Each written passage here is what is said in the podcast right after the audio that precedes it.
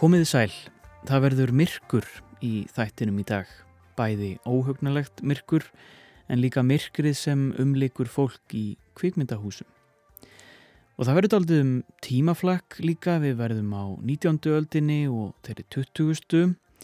Við opnum nýja íslenska skáldsögu eftir Ágúst Guðmundsson sem er þekktastur fyrir kvikmyndaleikstjórn en hann er að skrifa í fyrsta sinn skáldsögu um dramatískan Stormasaman kabla í lífi sænska kvikmyndaleikstjórans Ingmars Bergmans. Kvikmyndaleikstjóri rínir í höfuð kvikmyndaleikstjóra sem er að rína í sitt eigið líf. Þetta er flókið og aðtiklisvert púsluspil sem við skoðum hér rétt á eftir. Og sagna og hvæða úrval eftir bandaríska reytöfundin og gottneska romantíkarinn Edgar Allan Poe hefur í fyrsta sinn litidagsins ljós. Um 200 ára gamlir, síkildir og áhrifamiklir tekstar sem hafa leið brotakendir í þýðingarsögu hér á Íslandi sem rekja má allt til 19. aldar. Edgar Allan Poe var brautriðjandi á sviði smásagnagerðar og segja má upphafsmaður glæpasögunar sem nú 200 árum síðar hefur nánast aldrei haft að betra. Sögurnar hans hafa líka haft gríðarlega áhrif á förðusugur og hrollvekjur áratugum saman. En í þessu nýja satniriti frá dimmu útgáfu eru íslensku þýðingarnar, gamlar og nýjar teknar saman í fyrsta sinn. Spennandi tímar fyrir þau sem kunna vel við drungarlegar sögur sem lesa ætti við kertaljós og dragsúg í skamdeginu, það á vel við. Meirum þetta allt síðar en Ástráður Eisteinsson og aðalsteinn Ásberg Sigursson sem eru rittstjórar verksins og meðal þýðenda setjast niður með mér og rína í myrkrið. En ég heiti Jóhannes Ólafsson og þetta eru bara bækur.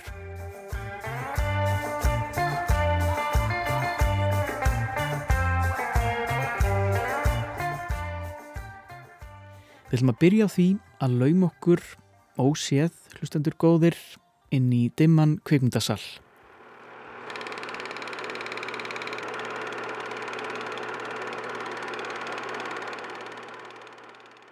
Í salnum er engin, nema jú maður sem situr fremst og horfir upp á kvíta tjaldið, millir þess sem hann rínir í bók í myrkrinu, sem lýsist upp með einhverji svartkvítri bíómynd, en hann er að lesa skáltsögu um hann sjálfan.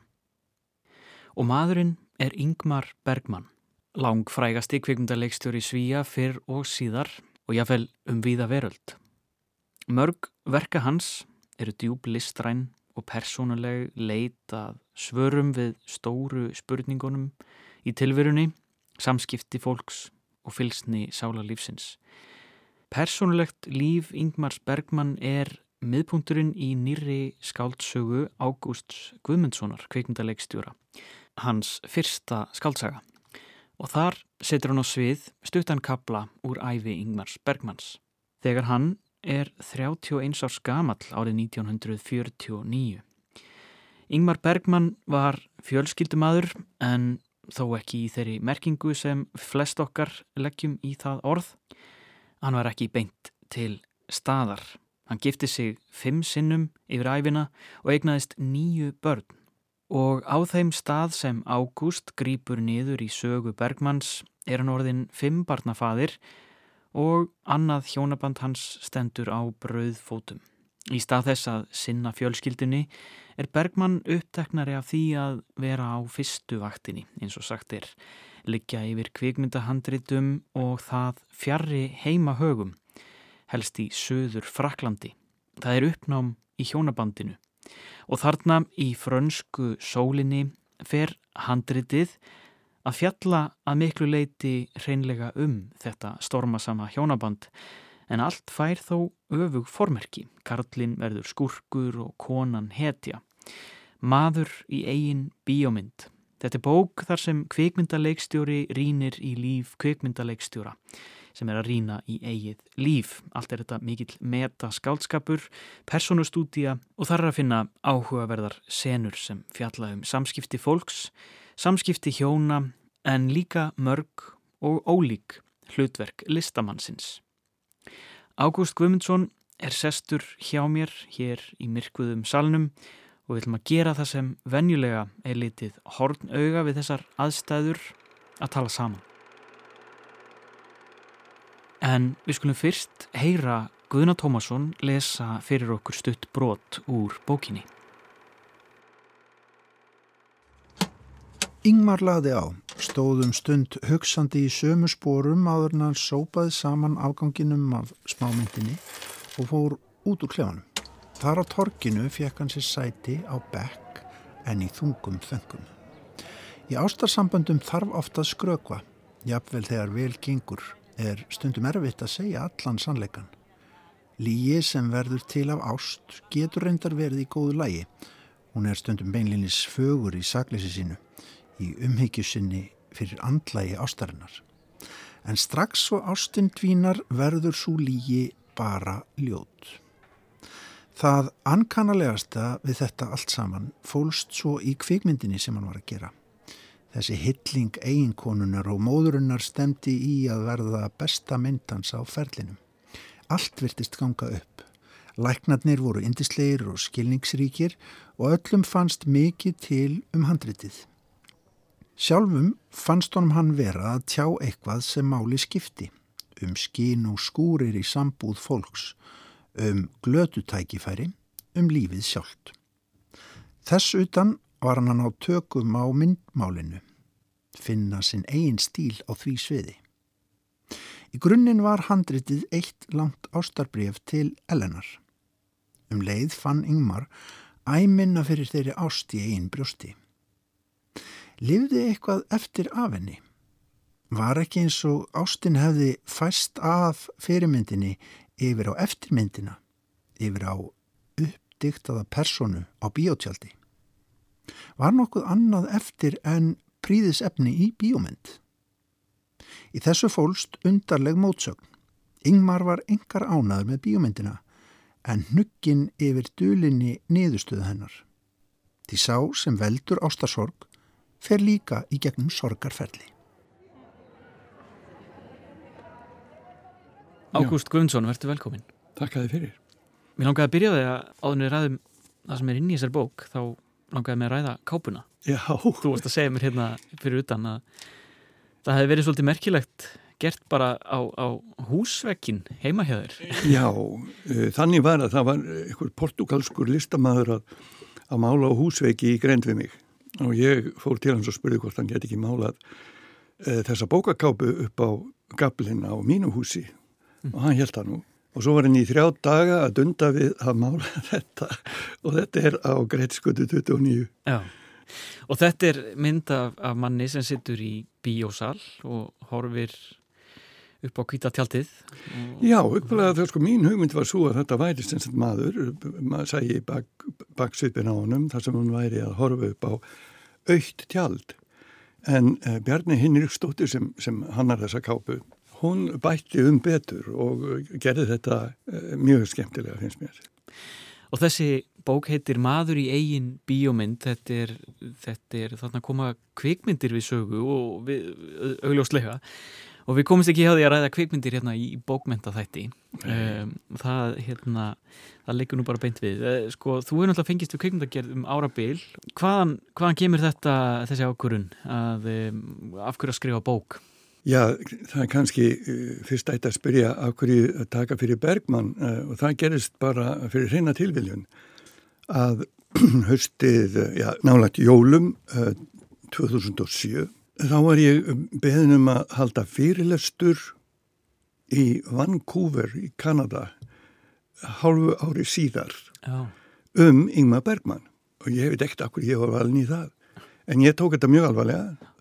Horfið á allar myndir aftur sem ég gæti náði eftir Bergman og las allt um hann og eftir hann og, og uh, niðurstaðan var þessi fyrirlestur sem ég held í, í júni í byrjun 2008 Þetta var í raun og veru kveikjan að þessari sögu sem sagt vorið 2008 eh, eru sjónum mínir að beinast að þessu ákveðna ári 1949 í lífi þessa manns þegar hann var 31 árs gammal og 5 barna fadir hann átti, all, hann átti alls nýju börn nýju börn þessi maður sem enginn sá fyrir sér sem heimilisföður.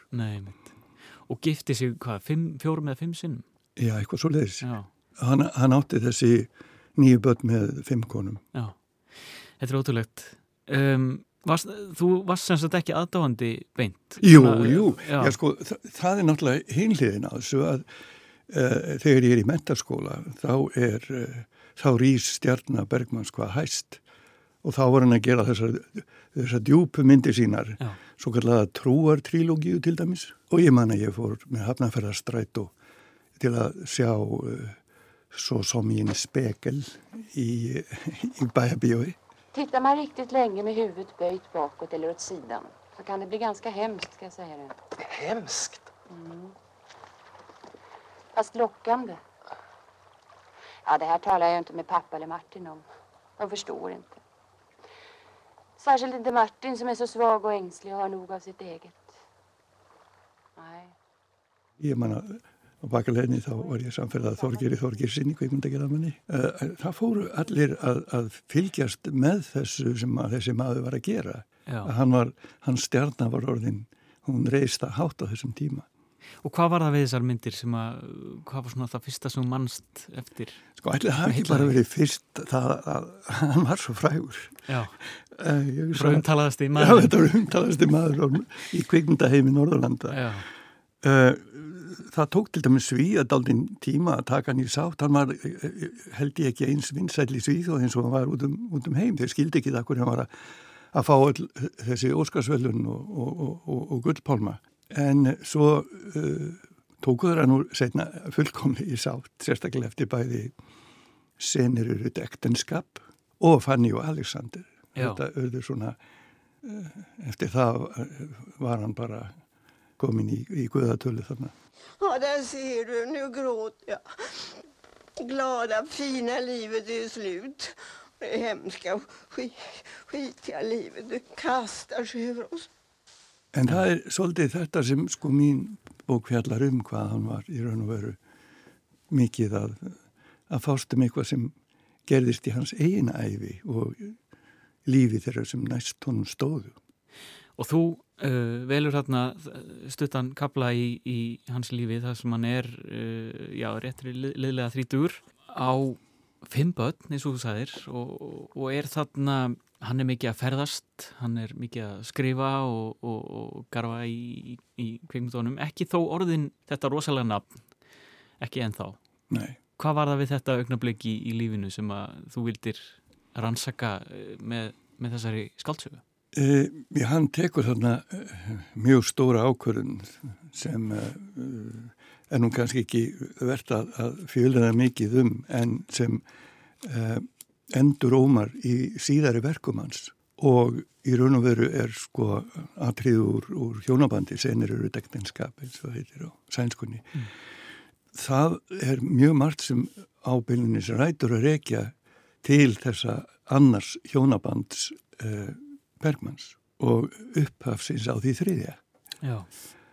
Um, og mér fannst þetta alveg óöndarlega merkilegt. Ég bara... Já. Hann lendi líka í því síðar meir sko að, um, að verða fyrir gaggríni út, á kvennisemi sína.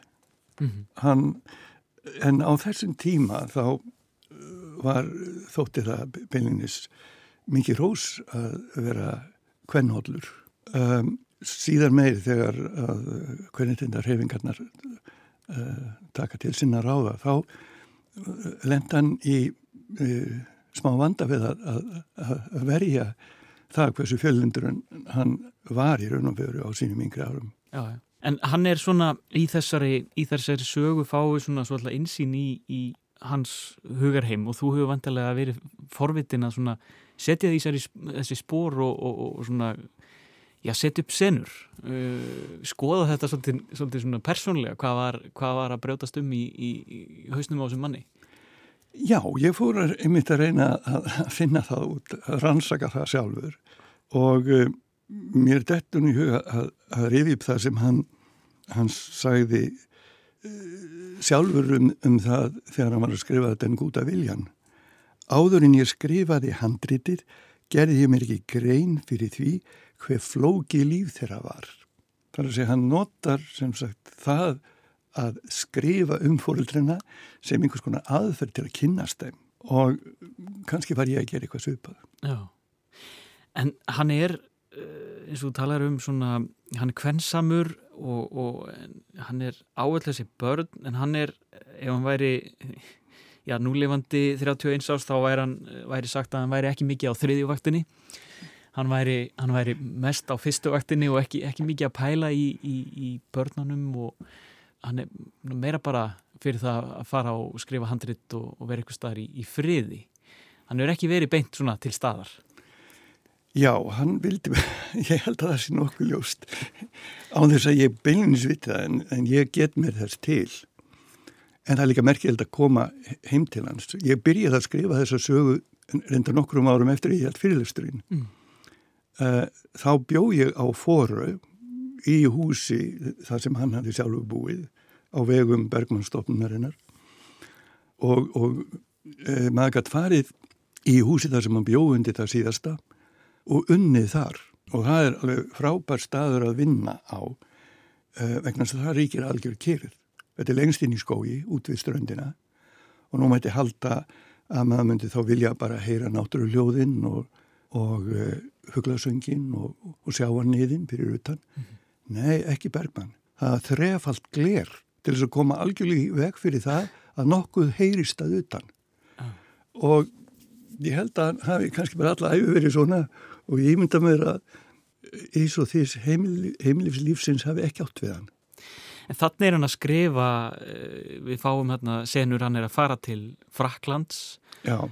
að skrifa eh, kvimdahandrit og, og er að skrifa svolítið og talar um það við konuna sína hann sé að skrifa svolítið með, með hana í huga og, og hann sjálfan og hann tekur mikið svona glefsur úr eigin lífi og setur bara bókstallega inn í, inn í handrit. Já, þarna uh, fæ ég nú uh, upplýsingar úr hans eigin æfirsögu um þetta.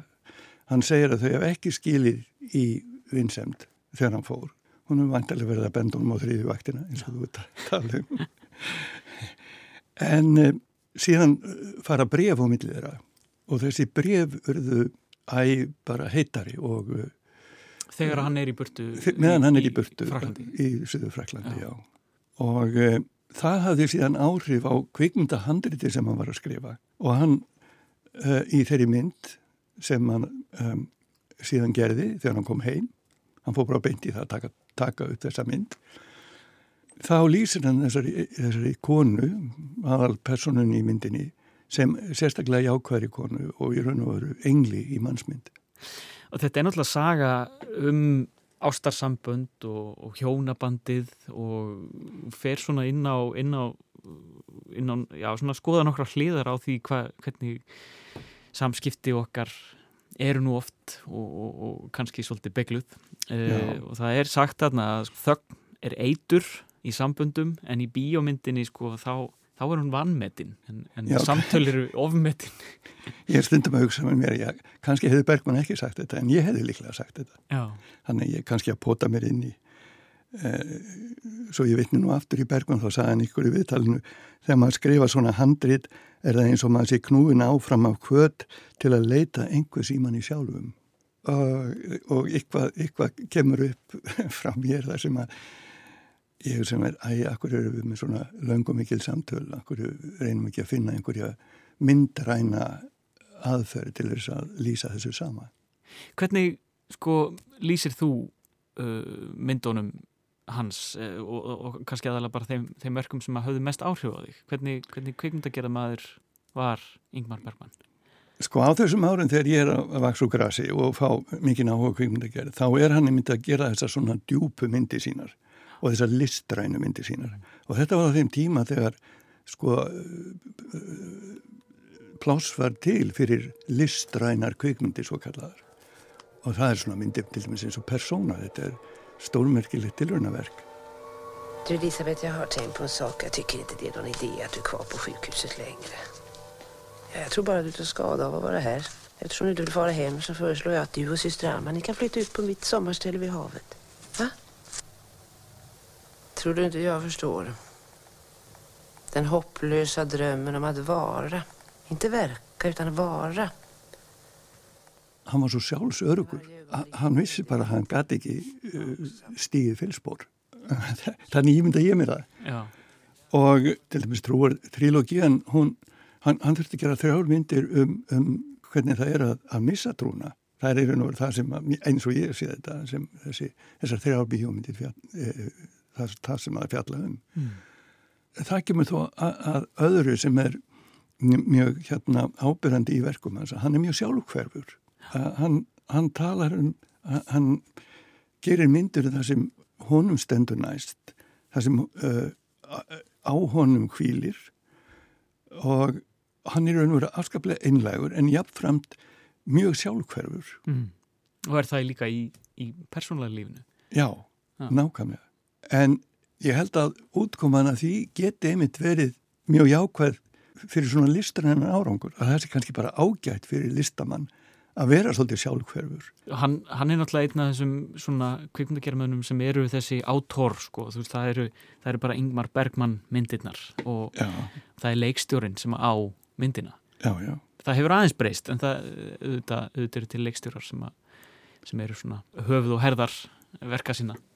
Já, þetta var, þetta var einmitt á þessum tíma daldið ábyrrandi uh, við, nefni, við nefni aðra frábæra höfunda, þá var það Federico Fellini sem líka var talsett að, að yrkjum sjálfan sig. François Truffaut sem gerði fjórar og halva bíómynd bara um sjálfan sig með sama leikarannum alltaf í aðaluturki. Þetta er svona aðdeglisverði tími út frá, út frá þessu svona sjálfhverfa sjónamiði sem ég er að taka. En svo koma aðra kynsluður svo sem eins og ég og mér þetta er ekki huga að gera myndu um mig. Nei, nei, og, og þú ert að skrifa hér um, um uh, mann sem að, sem að var til. Er, er það, já, hvernig var það? Ég verða vikinn að það vaðist svolítið fyrir mér Já. og ég gerði tilurinn til þess að breyta nöfnum og gera eitthvað svolítið og svo bara sá ég að, að það var óttileg vittleysa.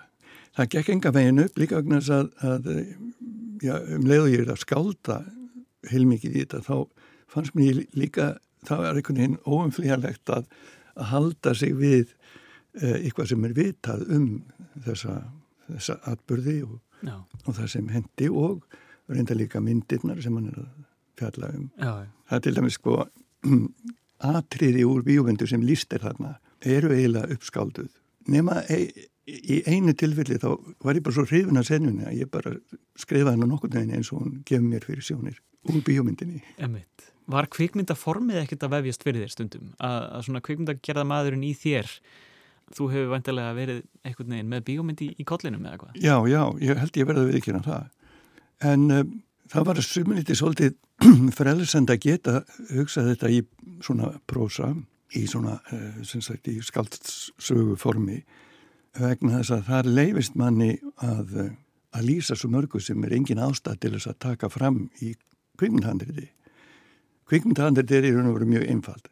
Þú bara á blæðinu sérðu það sem á að heyrast og það sem á að sjást mm. og ekkit annað. Þið var það ekkit um það hvernig personinni líður eða hvernig veðri var. Það fer bara eftir því hvernig veðri verður þegar myndin er tekinn. Þannig að, að, að því lítið var það svona svolítið frelsandi, það var svolítið gaman að gera þetta svona, mm. en ég ger mér ljósa grein fyrir því að, að þessi mynd hefur struktúr kvikmyndar. Og mun líklega, já, samina áhuga fólkum um kvikmyndir og bókmyndir. Ágúst Guðmundsson, það var, var ánægilegt að spjalla við þig um þessa bók, maður í eigin bíómynd. Takk fyrir komina. Takk fyrir mig.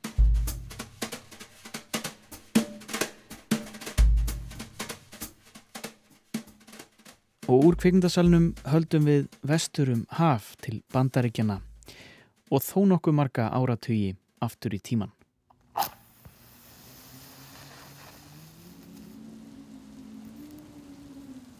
Fíladelfia í bandaríkjónum veturinn 1844. Edgar Allan Poe situr í kitru sinni við lúið skrippborð. Úti er blek svart myrkur og eina ljósið sem Poe hefur er frá litlum kertastuppi og það nægir til að lýsa upp pappirinn sem hann skrifar á en þó tæplega. Það heyrist dragsúur úr glugganum og fyrir utan hurðina heyrist lávært bank eða skellir. Edgar Poe er að skrifa ljóð sem átti síðan eftir að byrtast í Evening Mirror í janúar 1845 og gera hann heimsfrægan, The Raven eða Hrafnin. Það gerðan jú frægan en ekki ríkan. Blaðið greiti honum nýju dólara fyrir útgáfuna.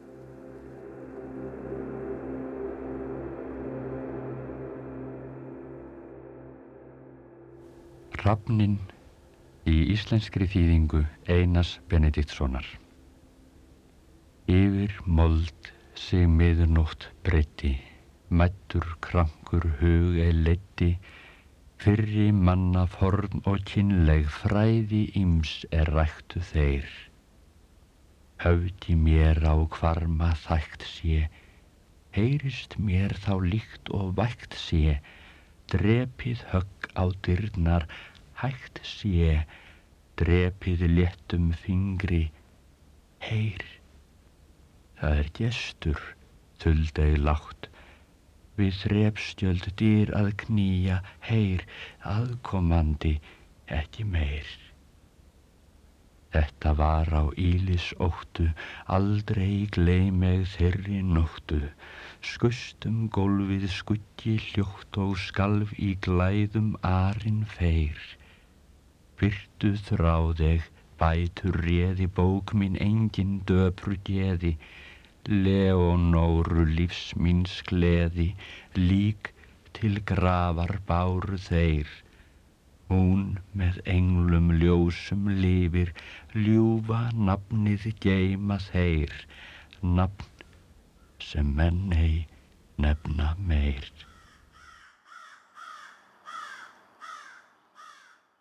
Edgar Allan Poe fættist árið 1809 í Boston, Massachusetts. Hann var ljóðskáld, ritthöfundur, rittstjóri, bladamæður og gaggirinandi, einn af braut, reyðjandum vestrætna bókmenta. Þótt æfi hans hafi verið stutt var ferillin afar viðburðaríkur. Hann lagði grunn að formgerð smásögunar, skrifaði fyrstu leinilauruglu eða glæpasögurnar, drungalegar hrollveggjur og kvæði sem gerðan frægan eins og hrafnin sem við heyrðum hér áðan í íslenskri þýðingu Einars Benediktssonar og í lestri Viðars Eggertssonar.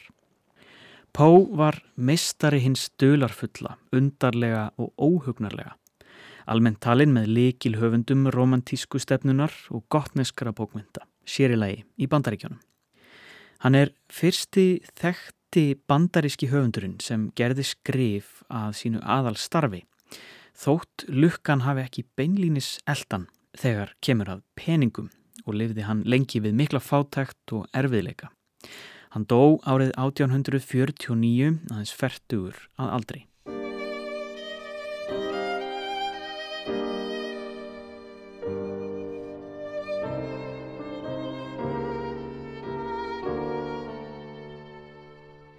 Verk Edgar Allan Poe hafa haft gríðar mikil áhrif á vestrannar bókmyndir, sérstaklega hrollvekjur, glæpasugur og furðusugur af ýmsum toga. Þau hafa líka lifað góðu lífi í menningunni annar staðar, í öðrum meðlum, kveikmyndum og sjónvarpi sérstaklega. Og nú er komið út splunkunýtt Sapnritt, hvæða og sagna eftir Edgar Allan Poe frá dimmu útgáfu og eru íslensku þýðingarnar bæði gamlar og nýjar, teknar saman og það í fyrsta sinn.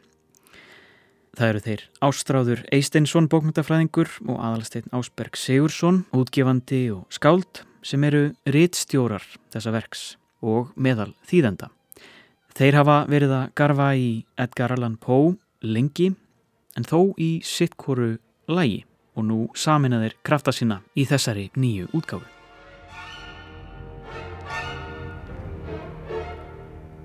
Stund með Edgar Allan Poe Hrun hús Össes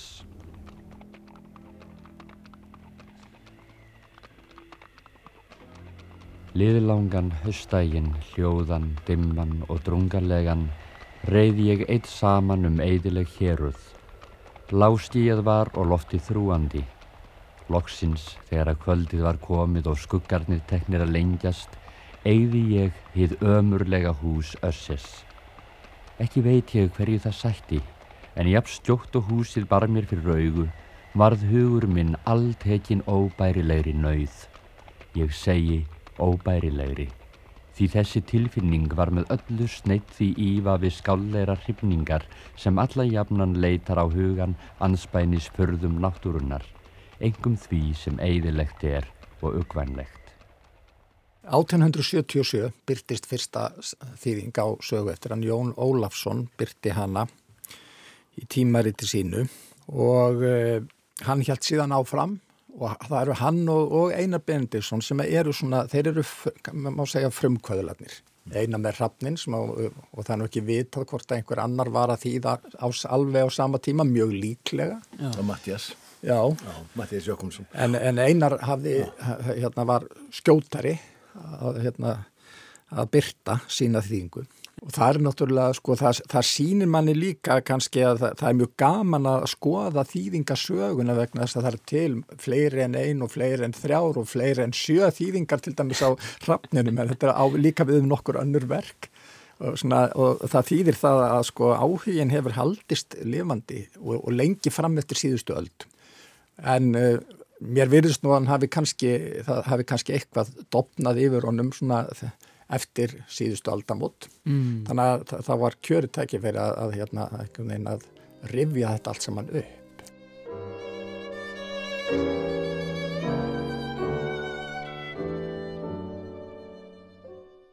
Þetta var ekki auðveld æfi og, og hann uh, missir fóröldur sína báða uh, hérna, mjög snemma ekki alveg vita hvernig fæður hans dónum við hafum bara verið, verið eins ásið eitthvað og, og þryggjára þar að móður hans deyr og, mm.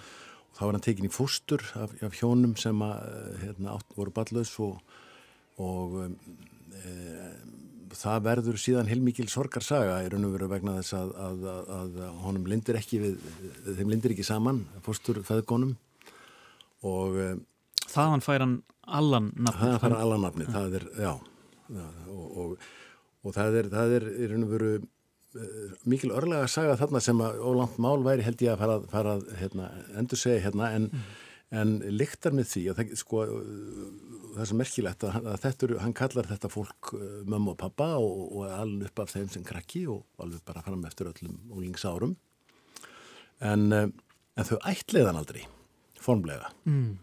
og það þýðir að þegar að það verða svona verður ágreiningur á milli þeirra og Pó er bara allt öðruvísi lundaður heldur en þessi, þessi kaupsíslumadur, fósturfæður hans, að þá uh, hefur fósturpappin þetta vopni í höndunum að hann getur raun og veru sagt já, ef þú hefðar þér ekki, þá, þá fær þú engan arf. Og það fer þannig að, að Pó sættir sér ekki við að vera undir þessu oki og, og, og, uh, og í raun og veru leiðir þetta til þess að hann er fátækur maður þessum eftir ræfinar það er hérna, við erum býr á, á tímabilum við alveg sára fátækt og það er, er mjög merkilegt að hann skildi yfirleitt koma öllu þessi verk.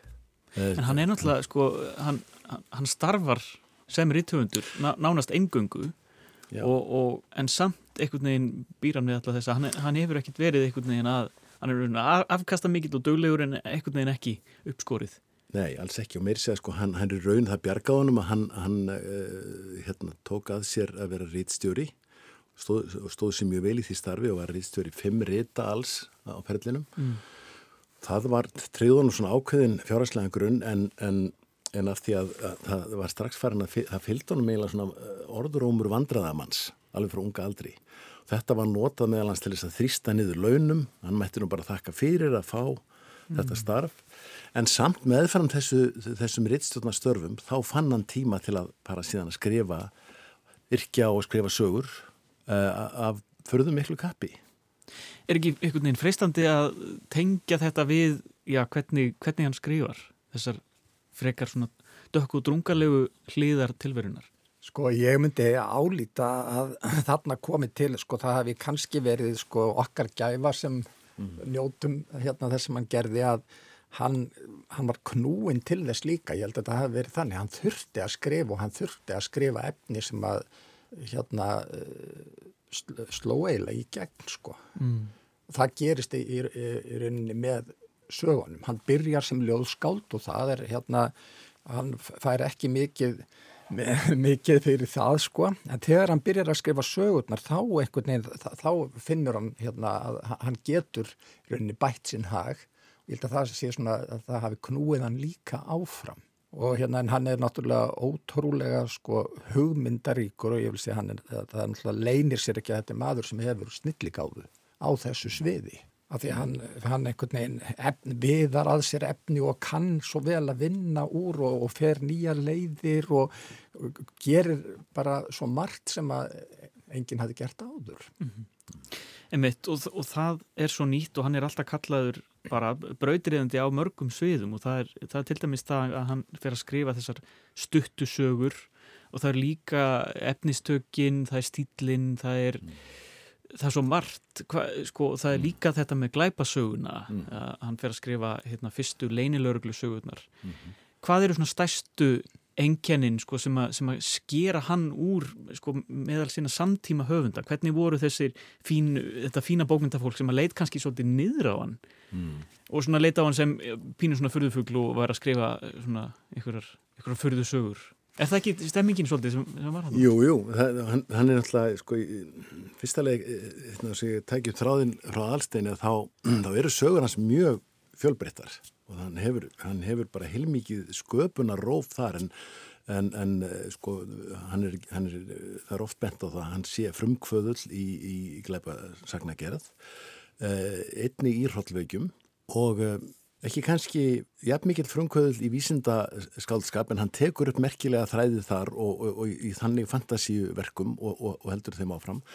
En síðan er þetta og það má ekki glemja þetta er maður sem er mótaður á romantísku stefninu þetta er að mörguleiti eh, sko, jafnvel hinn stæsti af bandarísku romantíkarunum uh, og það er kannski hefur minni aðtegli fengið og það var gaman að koma slíkum sögum að þarna að það eru bara þessi hvað, hann er upptekinn á náttúrunni og ég bendi nú að þetta einn sagan sko maður, maður bara, maður, maður, þá, hún er þannig að maður hugsaður byttu við já, þetta er samtíma maður Jónasar Hallgrímssonar.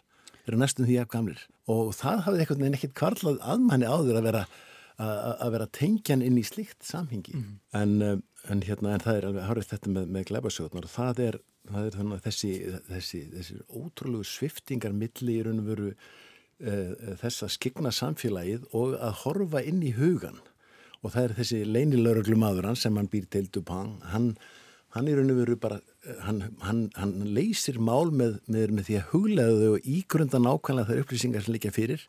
Hann er ekki kannski þessi, þessi, þessi orðin hefur kannski þessi klassíski maður sem að þarf að fara á staðin og skoða allt. Hann þarf bara að fá að vita vissa hluti til þess að hugsa málið í gegn. Og það er, það er heitland í þessum sögum hvernig hann hvernig hann nær tökum á einhverju sem að, að lauruglan sem var á staðnum hafði ekki komið auð á. Já. Og þetta verður síðan rosa vinsælt mm. og, og, og, ég menna við sjáum það bara í dag þegar glæbarsögur er bara einhverja mest seldu bókmyndir mm. í heiminum.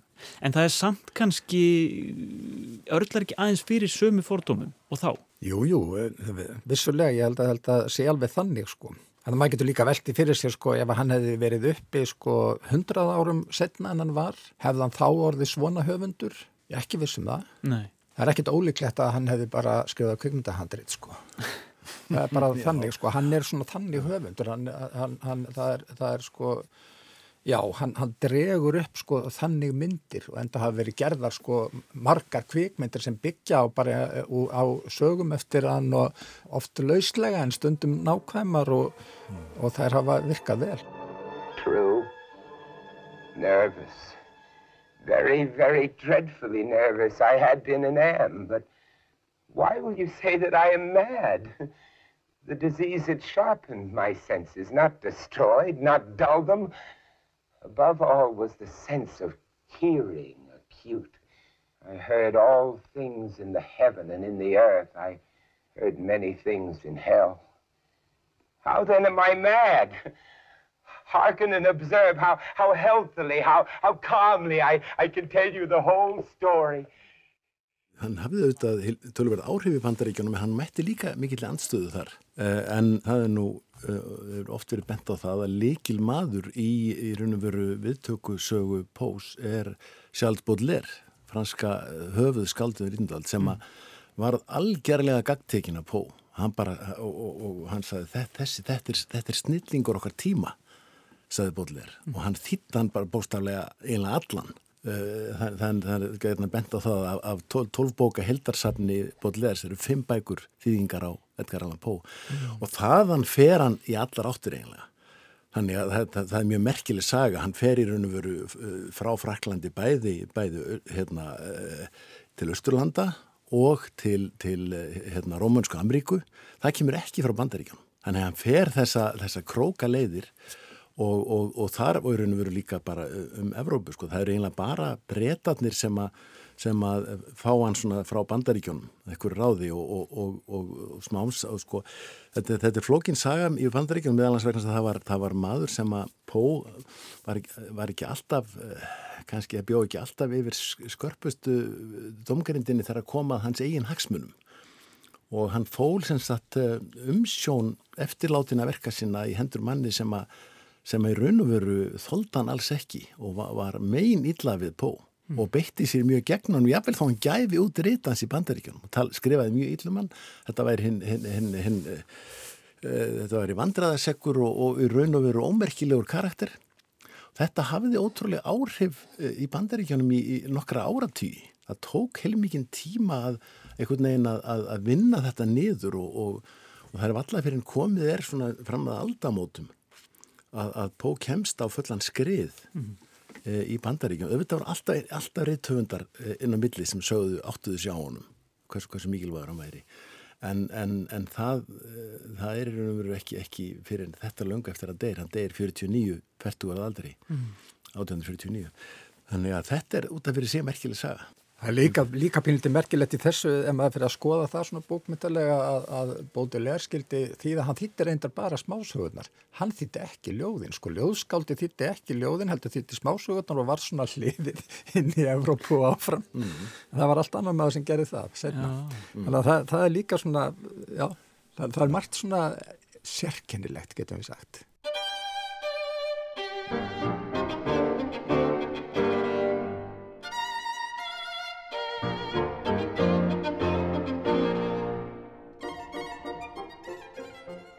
Það eru svona ímis hugtök sem að eru á appi til dæmis bara sem þú nefnir í ingangnum uh, þetta með Gróteskan og arabeskan og, og, og svo gotnesku hérna, bókmyndir sem, sem að hann í raun og veru þar lítur hann svolítið til forromantíkurinnar í Þískalandi að hérna hlans höfundar eins og tík sem, að, sem hann ríkar endar tittur af, af hérna, Eh, Jónas, það vantilega voruð Jónas og Konrad sem þýttu saman eh, einn af sögum hans í fjölni og, og þannig að það, það sé maður líka vissar hliðstæður mm.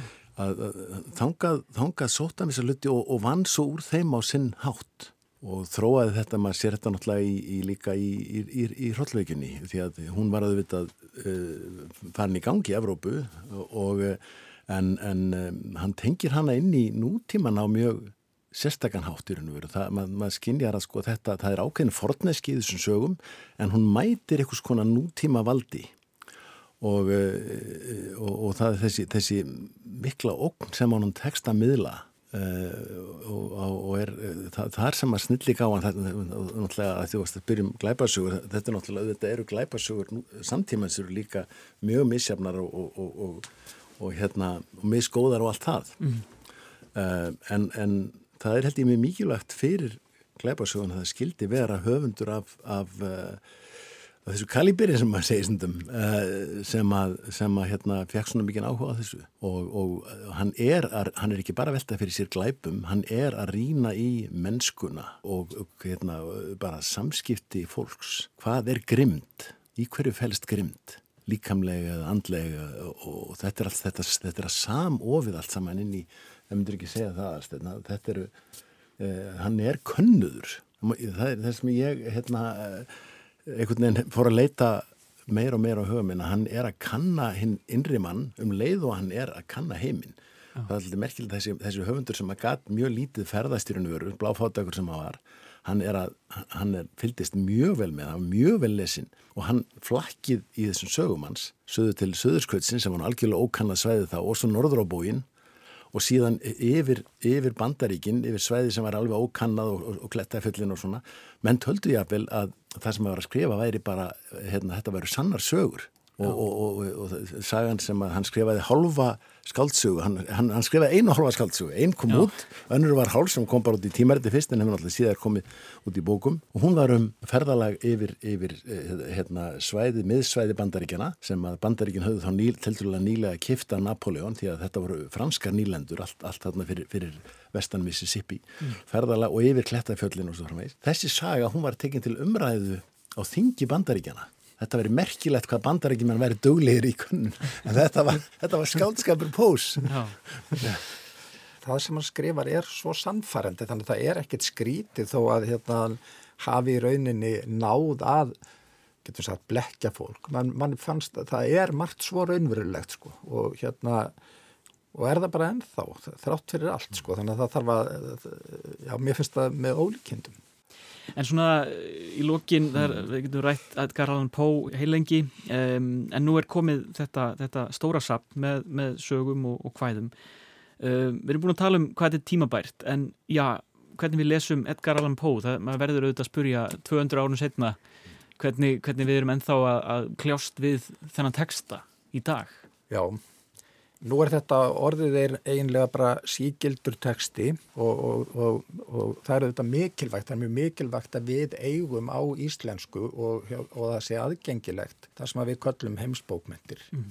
Þetta er hluti af, af því og það er, það er erfitt að segja til um það núna hvernig þetta hittir eh, hérna, menn fyrir, lesendur. En uh, það sem mér finnst vera sko, áhugavert við það að gefa út svona bók er það að, að þetta er bók sem er mjög fjölbreytt og ég held að, að allir geti fundið í henni eitthvað sem, er, sem höfðar til þeirra. Mm. Þetta er þannig bók og, hérna, og þetta er heldur ekki bók sem þarf að lesa spjaldana á milli og, og, og allt sem í henni er.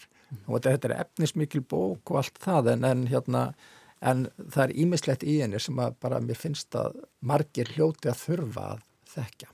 Ástráðar, þetta er náttúrulega ótrúlega vinsælt. Glæpa sögur og svona þetta proto-hrollvekju, þetta er bara þetta lifir og lifir. Já, já, e, það er alveg rétt og, og, og það er alveg, það er augljóst að Pó hefur haft þar gríðali áhrif ekki bara á bókmyndirnar heldur, heldur í raun og veru allt kvikmyndaefnið, sjómarsefnið, það, sko, hans þræðir þar eru út um allt mm -hmm. bókstælega og um, þannig að það er einnig þess vegna sem ég held að sé mikilvægt að þessi bók sé komin út vegna þess að það er áhugavert að rekja þessa þræði aftur til, til þessa magnaða tilurðara tímabils og það er náttúrulega, og þetta er ekki eina dæmið um það, að romantíska skeiðið það er í stöður í endur nýjun og endur uppgötun eh, þessi, ég meina þannig bara alltaf dæmis í umhverfismálunum þessi, þessi vitund hinnar romantísku höfunda um, um náttúruna, um, um eh, afl hennar en líka viðkvæmni hennar ægifegurðin sem að, sem að náttúrulega verður náttúrulega eitt af bara sérsviðum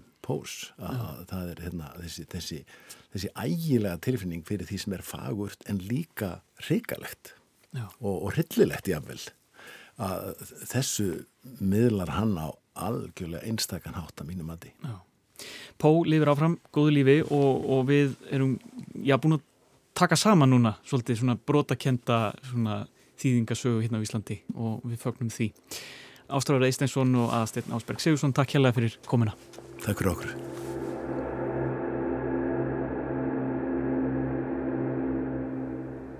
Skrjáfaði í skarlatstjöldum, skulfu kögur, huldum völdum, hrolli ollu, engu sinni áður kunnum, gnýr þeir.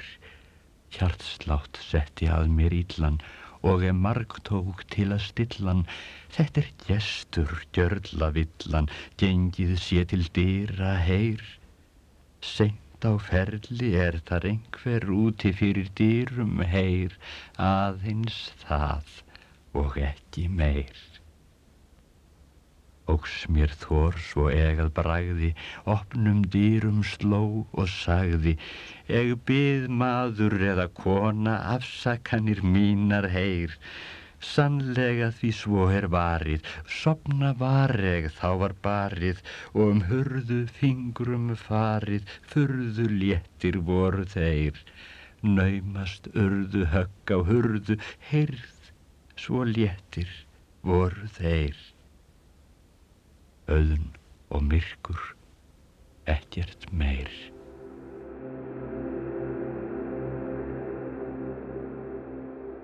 Ég þarf því miður að skilja við ykkur kæru hlustendur í öðun og myrkri en bara bækur snúa aftur eftir viku hér á Rás 1 en eru alltaf aðgengilegar í spilara og fleiri öppum. Þið með líka koma til mín spurningum og aðtugasemdum í gegnum netfang þáttarins bara bækur hjá rúf.is. Sjálfur er ég á bókasíðunni Goodreads undir nafninu Bara Jói og deili mínum lestrar vennjum þar. Ég heiti Jóhannes, takk hjálpa fyrir samfélgina og veriði sæl.